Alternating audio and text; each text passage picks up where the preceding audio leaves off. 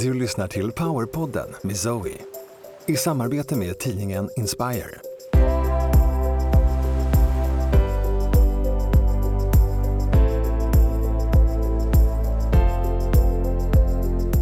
Zoe är en av Skandinaviens ledande spirituella lärare.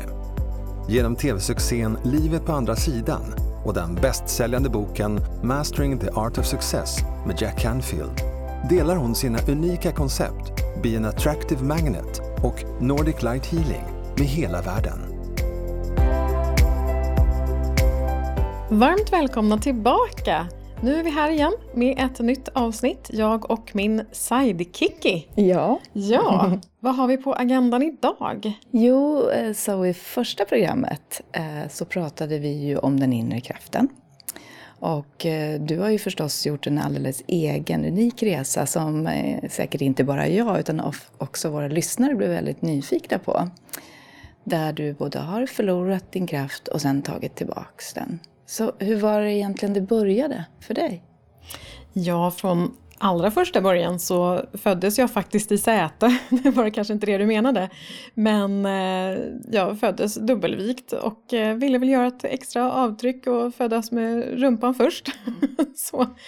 Men eh, det har väl på ett sätt kanske format mig någonstans. Men jag har ju precis som du säger gjort den här resan av att ha förlorat mig själv i andra, förlorat min egen kraft och förlorat kontakten med min, min själ och med mig själv. Eh, och sen tagit tillbaka den successivt genom eh, den resa som jag har gjort från ja, någonstans mitten, ja, någonstans mellan 20 och 30 kanske det påbörjades den, den resan att ta tillbaka mig själv. Så att jag körde ungefär 20 år att förlora mig själv och så drygt 20 år att, att ta hämta hem. Men visst, det har varit en, eh, en resa upp och ner. Och, eh, men jag är ju uppvuxen helt i en vanlig eh, familj, vanligt eh, sådär lite Svensson-liv skulle man nog kunna säga faktiskt i, i förorten utanför Stockholm. Jag är uppvuxen i Farsta. Och jag har ju haft med mig båda delarna så att säga av att ha levt i olika miljöer, vilket jag är väldigt tacksam över just att jag har bott där jag har bott och upplevt den, man säger samhällsklassen. Och sen så gick jag skola i stan som var i Adolf Fredrik då, musikskolan. Och där var det ju ett an, en annan samhällsklass. Så att jag har verkligen fått ta del av olika människor och mött väldigt många olika människor vilket också har eh, format mig och min resa. Nu rann jag iväg lite åt ett annat håll. Men det kanske också kan vara intressant att, att ha den bakgrunden så. Men jag har ju ja, vuxit upp i en, en relativt eh, vanlig familj, inga större traumatiska händelser egentligen så. Men jag var ett väldigt, väldigt känsligt barn. Nu har vi ju ett namn på det numera, högsensitiv. Men det fanns ju inte då och det var ingen direkt som förstod. Utan jag tog upp väldigt mycket av min omgivnings känslor och frustration och så vidare eh, som var obearbetat så att säga. Och det var heller inte några konstigheter. Min familj är nog helt vanlig på det sättet men jag var väldigt känslig. Har du några specifika minnen från hur det kunde vara för dig när du var liten med just det där att du tog upp andra människors energier eller känslor? Så jag kommer inte ihåg exakt så, mer än att jag var ju eh, väldigt utlevande Eh, kan man lugnt säga. Eh, hade väldigt många arga utbrott och eh, var väldigt ledsen och, och sådär. Så, och det var ganska jobbigt både för mig och min omgivning att hantera faktiskt. Så, och det förstod jag inte förrän för några år sedan, kanske fem år sedan, just det här högsensitiv begreppet kom. Att, och man brukar på engelska prata man om empath Eh, att man tar upp då energi från omgivningen. Så eh, det var då först som jag förstod vad jag hade gjort för någonting faktiskt. Och också i och med min medialitet, vi ska inte gå in på det så mycket idag, men också att jag läser av människor och känner av människor. Så jag visste egentligen inte vad som var mitt och vad som var andras. Och det blev ju lite komplicerat och det var där också som jag tappade mig själv i i andra, i situationer. För att jag drogs med i, eh, i andras eh, känslor och andras energier och så. Men när du sen blev lite äldre då, när du kom in i tonåren, blev det något slags skifte eller vad var det som eventuellt utvecklades i dig under den tiden? Ja, egentligen så en, en stor eh, del i min process och min resa har ju faktiskt varit eh, skoltiden generellt sett och det började egentligen tidigare. Eh, någonstans när jag var 10-11 så började min mobbning. Och där eh, var ju också en jättestor del i att tappa bort mig själv. För där, i och med att jag var så pass duktig på att känna in andra människors eh, energier och så vidare. Och jag lärde mig att anpassa mig. För att vi, vi har ju, alla människor har en grundläggande eh, drivkraft, en motivation som vi har som, som däggdjur faktiskt, att eh, också bli accepterad i en grupp. Det är så pass viktigt för oss. Så då gör vi vad som helst för att eh, få vara med helt enkelt. För det är så viktigt den här kontakten. Man pratar ju om eh, anknytning till exempel. Då pratar man mycket om, om anknytning till föräldrar. Men det här är ju också, spiller ju över såklart överhuvudtaget med att få vara med i ett sammanhang och ha kontakten. Annars så blir man ju helt utanför en grupp. Men det var det som hände mig. Jag blev eh, utanför och eh, utanförskap och ensamhet har varit en jättestor del eh, i mitt liv som har format mig och det hänger faktiskt kvar fortfarande. Eh, någonting som jag eh, ja, upplever mycket till och från fortfarande för att jag känner mig kanske inte riktigt som, som den här normen då som, som någon, jag vet inte vem det är som har satt upp den där konstiga normen. Men det är ingen egentligen som passar in i den. Men just det här utanförskapet påbörjades där när jag eh, var runt 11 och pågick långt upp i tonåren eh, i skolan då. Varje dag eh, i princip eh, så visste jag ju inte om, eh, om, jag, om någon skulle prata med mig eller inte. Och det tär ju enormt mycket på ett litet barn. Att inte veta, att gå till skolan och inte veta om någon kommer prata med mig idag eller inte. Eh, och som jag nämnde förra gången så pratade jag om det här toaletttricket. Som har följt med mig på gott och ont. Och eh, toaletttricket startade faktiskt då i samband med mobbningen. Jag spenderade väldigt mycket tid, om jag inte var på lektionerna, så var jag på toaletten. För att jag klarade inte av eh, den här ambivalensen i att är jag accepterad, är jag inte accepterad i gruppen. Så det här byggdes ju på hela tiden under de åren. Det här pågick ju under mellanstadiet och högstadiet nästan 5-6 år. Eh, så att jag låst, det jag gjorde var att låsa in de här jobbiga känslorna i mig själv. Och sen så pågick det, så det, jag gick ju in i en, eh, en slags eh, depression där, eller det var en depression, inte en slags depression, det var en depression. Eh, och min definition på depression det är just det att man på engelska man säger depression, alltså man trycker ner. Och det man gör är att man trycker ner sin egen kraft och då trycker ner sin, sin essens eller sitt kall. Och eh, man, man stänger av eh, sin, eh, sin gnista helt enkelt, sin, sin själsliga gnista. Och det var det jag gjorde. Så, så det var det som, som det pågick under väldigt, väldigt många år, den här resan, just med att stänga av mig själv faktiskt. Mm.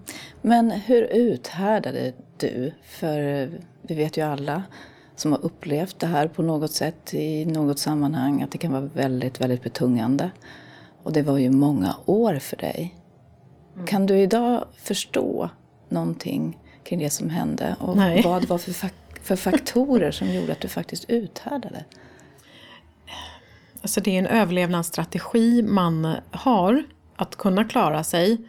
Just det här toaletttricket som jag skämtar om lite grann men som också är ganska så sorgligt.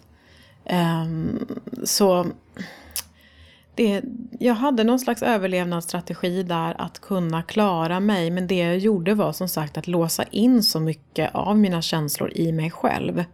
Så när jag sen växte upp så det här mönstret följde ju med även när jag inte blev mobbad så att säga. Så upplevde jag mig själv hela tiden utanför grupper, att inte tillhöra och sen så hade jag en enorm låsning i min kropp, eller låsningar överallt i min kropp. För jag hade hållit på så länge och eh, låst in mig själv helt enkelt och alla mina känslor, både ilska och eh, eh mycket sorg, mycket ledsamhet. Så till slut så, så orkade jag ju inte längre heller. Eh, för att man, man kan ju hålla på ett, ett tag så. Men till slut så, så, funkar det ju inte att hålla tillbaka. Kroppen orkar inte ta hur mycket som helst. Att det, till slut så har man ingen plats i kroppen att stoppa sina känslor. Men vad var det som hände då? Vad var den utlösande faktorn? Då, ja, då hade jag ju återigen hamnat i en sån situation där jag hade blivit sviken av en man. Som, för det här upprepade ju sig även då i relationer till, till män. Eh, och det här var faktiskt när jag var runt 26 som det riktigt eh, eh, som jag vaknade upp tror jag, för det här hade ju hängt med mig under så lång tid. Så att jag visste knappt vem jag var utan depressionen. Jag visste inte vem Zoe var. För att det hade jag glömt bort. Ehm, så det här var så vardagsmat för mig att jag var ledsen och jag mådde inte bra och så vidare. Jag var i den här depressionen för den hängde ju med hela vägen från barndomen eh, upp till vuxen ålder. Visst hade jag mina ljusglimtar, jag gjort fantastiska saker och sådär också. Men eh, eh, det var när jag var 26 som jag hade, var med om en händelse med en man som svek mig. Han försvann bara, han var borta flera månader. Och eh, hörde inte av sig. Och där så, jag vet egentligen inte vad som hände så men, men jag, jag tror att jag fick kontakt med mitt kall i den krisen. Så var det någonting som, som sa mig att okej, okay, du har ett val här. För att jag gick ju i tankar av att inte vilja vara kvar längre. Eh, och jag funderade lite grann på hur jag skulle göra och så vidare. Men, eh, men det var någonting annat i de tankarna, att vilja avsluta mitt eget liv, så eh, var det någonting annat som väcktes. Och då var det mitt kall. Det var som att eh, den, den gnistan fanns kvar, den har funnits kvar där hela tiden i mig fast att jag inte har haft kontakt med den. Den började brinna igen, den började lysa igen och eh, så då bestämde jag mig att eh, ja, antingen så kastar jag in handduken nu eller så börjar jag leva. Och det var faktiskt då som jag tog namnet Zoe i samband med det, eller i, ja, i samband med det så, så tog jag namnet Zoe och Zoe betyder ju liv. Så jag valde ju livet så det är också en fin symbol för mig att jag har valt livet där när jag var runt 26 och bär det namnet med mig hela tiden som en påminnelse om också varför jag är här.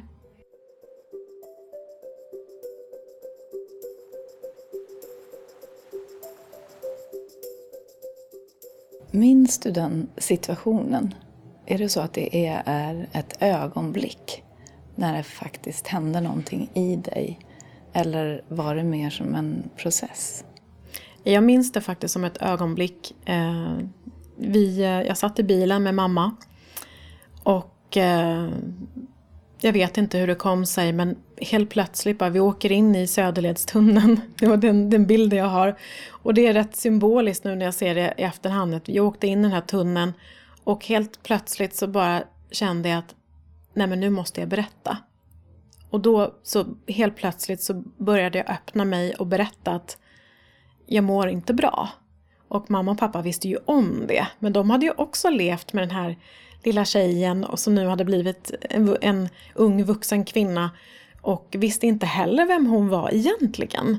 Så att vi hade ju alla i hela familjen levt med, med mig i en annan skepnad än den jag egentligen var, den jag var född att, att vara. Så ja, det, det var som ett ögonblick och att jag vågade öppna mig och berätta för mamma hur illa det verkligen var. Och då så började min resa med att vi tog kontakt med, med eh, ja, vården då och fick, fick vanliga samtal med eh, en psykolog. Så det var så det började hela min resa. I tunneln? I tunneln, i Söderledstunneln. Mm. Mm.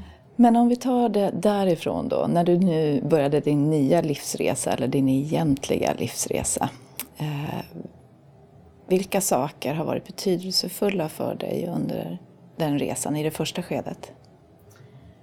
Oj, eh, i det första skedet så var det ju faktiskt just den, den kontakten med, med vården, det lilla de kom, kunde göra. Eh, all cred till, till eh, sjukvården så absolut. Eh, jag gick ju på antidepressivt först och det är jag väldigt, väldigt tacksam över idag. Och, eh, för jag brukar ju, många som har följt mig vet att jag pratar ganska så negativt om mediciner och så vidare. Men det är också, de, de fyller ju en funktion. Och för mig så var det så pass illa så att jag hade inte klarat av om inte jag hade fått hjälp att ta, uppleva att det finns någonting annat. Och jag minns det just att när jag började ta de här eh, antidepressiva tabletterna att då fick jag tillbaka hoppet igen. Men jag gick inte på dem så länge som tur är utan insåg också att nej men okej, jag behöver ta tag i det som ligger under här. Så då började jag söka mig vidare och yogan kom in ganska så snart efter där, kundalini-yogan som jag har hållit på med sedan dess. Och det har ju varit som ett ankare för mig i mitt liv. Och sen var det som att det kom det ena efter det andra. Jag vet att jag hade ett eh, sommarjobb på Astra faktiskt. Eh, och där träffade jag en, en tjej som kom att bli oerhört eh, betydelsefull för mig. Jag började läsa Den självläkande människan av Sanna Edin. Så den boken eh, och det här mötet med den här nya vännen på Astra, mitt sommarjobb. Eh, den sommaren var otroligt betydelsefull för mig för då började jag inse att jag har kraften att kunna förändra mitt eget liv. Att jag var inte offer för omständigheterna. För det var ju det som jag hade varit i hela mitt liv. Att ja, men det är andra människor som styr över mig, det är andra människor som gör mig illa. Det är Eh, jag har ingen makt över mitt eget liv. För det var det jag kände så tydligt under hela min barndom, att jag var maktlös. Ehm, men då insåg jag att men herregud, det är ju jag som har den här kraften. Så det var så det började, steg för steg hela tiden eh, började jag ta tillbaka och jag har ju prövat allt. Jag har gjort allting verkligen. Jag har jättemycket kvar att, att pröva faktiskt.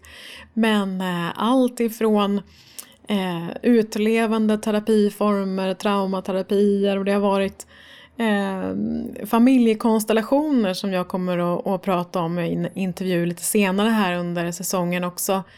Eh, jag har eh, prövat eh, massa olika eh, workshops på Ängsbacka bland annat. Där har jag hängt väldigt mycket och, och otroligt utvecklande kursgård.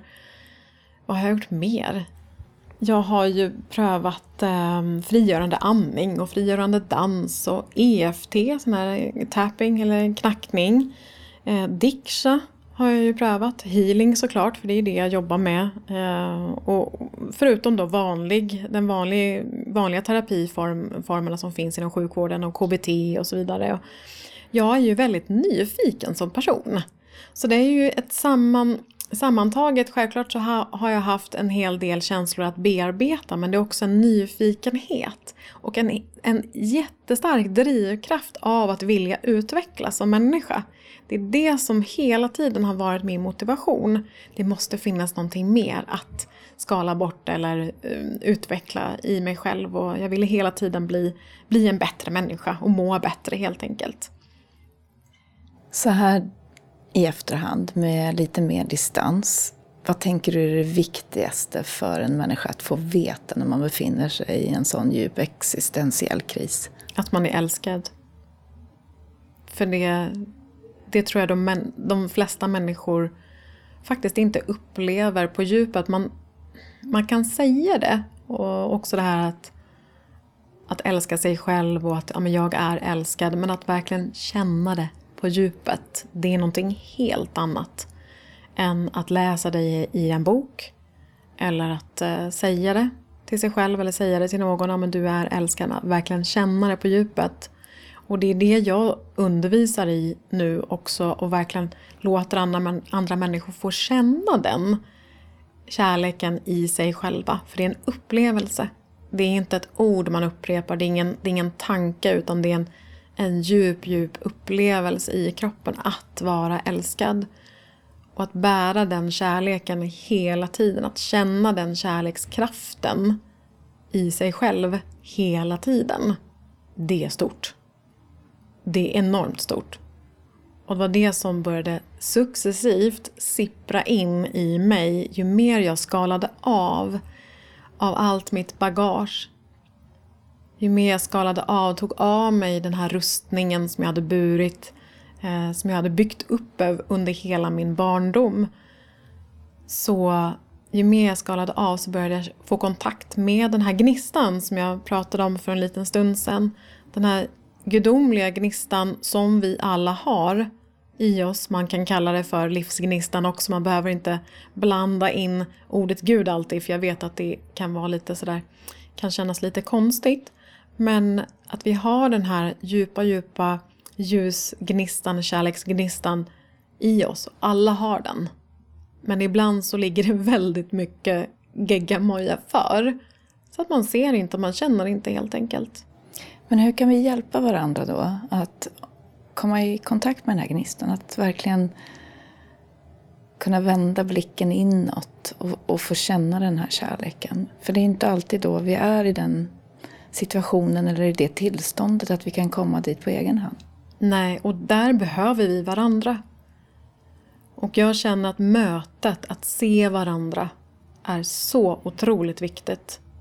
Och det är det som vi också tyvärr blir eh, bortvända ifrån. Eh, tänker på mobiltelefonerna nu. Att vi eh, tappar den här kontakten, den här ögonkontakten, det här mötet med varandra. Det behöver inte alltid vara de vi står nära. Det kan vara de som vi möter på tunnelbanan eller i affären, mataffären. Att verkligen se varandra. För det är någonting som händer i det mötet. Eh, att bli sedd och att se. Och att eh, verkligen vara närvarande och lyssna på varandra och ja, det, det är där magin verkligen... Det är som att vi påminner varandra om vår egen gudomlighet, om jag ska använda det ordet igen då.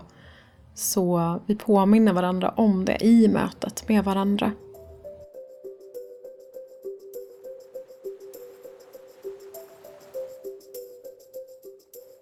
Zoe, nu har du ju delat med dig om de olika vägarna som du har eh, använt dig av sedan det där ögonblicket i Söderledstunneln.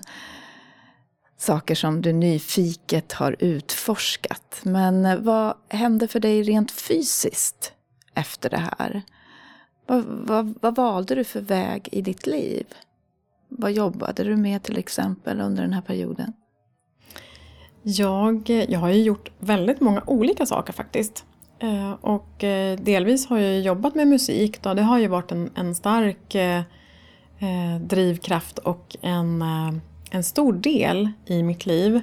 Musikdelen. Så det, jag jobbade ju som sångerska, musiker och låtskrivare under många år. Och sen så bytte jag bana. Det har ju hela tiden funnits olika intressen och olika spår. Jag har ju aldrig begränsat mig där heller utan jag har hela tiden följt det som har varit min längtan utan att egentligen tänka på det. Men jag har ju också den naturvetenskapliga delen så att jag inriktade mig eh, mot eh, hjärnan faktiskt. Jag, eh, det, jag hade ju en, en naturlig drivkraft av att leta efter storheten inuti mig. För någonstans så har jag vetat såklart det här hela tiden. För det har ju varit min livsuppgift, det här är mitt kall, det här är min, min uppgift som min själ har tagit sig an. Och att just gå den här vägen från att vara eh, helt utanför mig själv till att nu verkligen vara i min kraft. Så att jag har ju behövt hela den här, den här vägen. Så jag har ju letat efter den här storheten. Så jag inriktade mig på naturvetenskapen. Jag är väldigt, eh, fortfarande väldigt nyfiken och intresserad av, av eh, livet. Jag försökte förstå det här stora i oss alla. Och då inriktade jag mig faktiskt och läste eh, inom eh, neurovetenskap och neurokemi. Så det var min inriktning när jag utbildade mig. För jag letade efter det. Jag letade efter Gud helt enkelt. Så att jag tänkte att ja, men, hjärnan är ju liksom gud för kroppen. det är chefen för kroppen. Och då tänkte jag att om jag, om jag lär mig allting om hjärnan, då förstår jag vad det här livet är för någonting. Men sen när jag hade läst i många, många år och eh, eh faktiskt blev arbetslös efter det så blev det en tid för introspektion igen.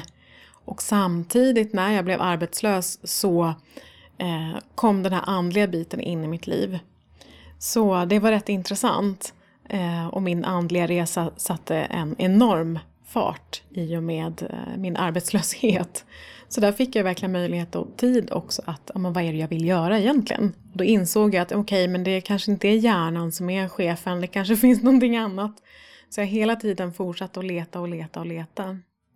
Och var befinner vi oss någonstans rent tidsmässigt? Hur gammal var du när det här hände? Då var jag eh, runt 30. Eh, skulle säga strax över 30, 32, 33 någonstans där. Så mm, då hade min andliga resa verkligen satt fart. Och då insåg jag att nej, men jag vill inte jobba på AstraZeneca med läkemedel. Scheisse, jag har liksom spenderat nästan fem år på min utbildning men eh, nej, det var nej. inte så sugen på det. Men jag har ju användning av all den kunskap nu i mitt arbete och det fattade jag inte då. Och vad ledde det här dig då? Vad, vad, tog du för beslut när du bara fick det där? Oj då, hoppsan, här ja, har jag valt fel. Precis, och det, det som blev knasigt är också eh, livet tar ju sina omvägar. Jag förstod ju inte riktigt eh, att jag skulle jobba med det som jag, skulle, som jag jobbar med nu. Men eh, jag fick en, en gåva i form av utbrändhet. Och det är det som jag skriver om också i krönikan nu här i Inspire. Eh, när själva händelsen var så att säga. Jag blev utförsäkrad. Jag, först så gick jag ju in i väggen för att jag körde på alldeles för mycket. Jag startade upp min verksamhet inom det andliga. Kände att det var det jag skulle göra samtidigt som jag hade mitt jobb på Karolinska i Huddinge som laboratorieassistent. Jobbade inom DNA-vaccinforskningen. Och det var jätteintressant. Jag trivdes jätte, jättebra. Men jag körde två parallellspår och min kropp orkade inte med. Och plus då att jag har haft en, en väldig inre stress, en enorm eh, stor inre, inre stress från min barndom som jag fortfarande inte hade läkt ordentligt. Så, eh, så då gick jag in i väggen, helt sådär. Eh, verkligen rasade in i väggen, jag kunde inte röra mig.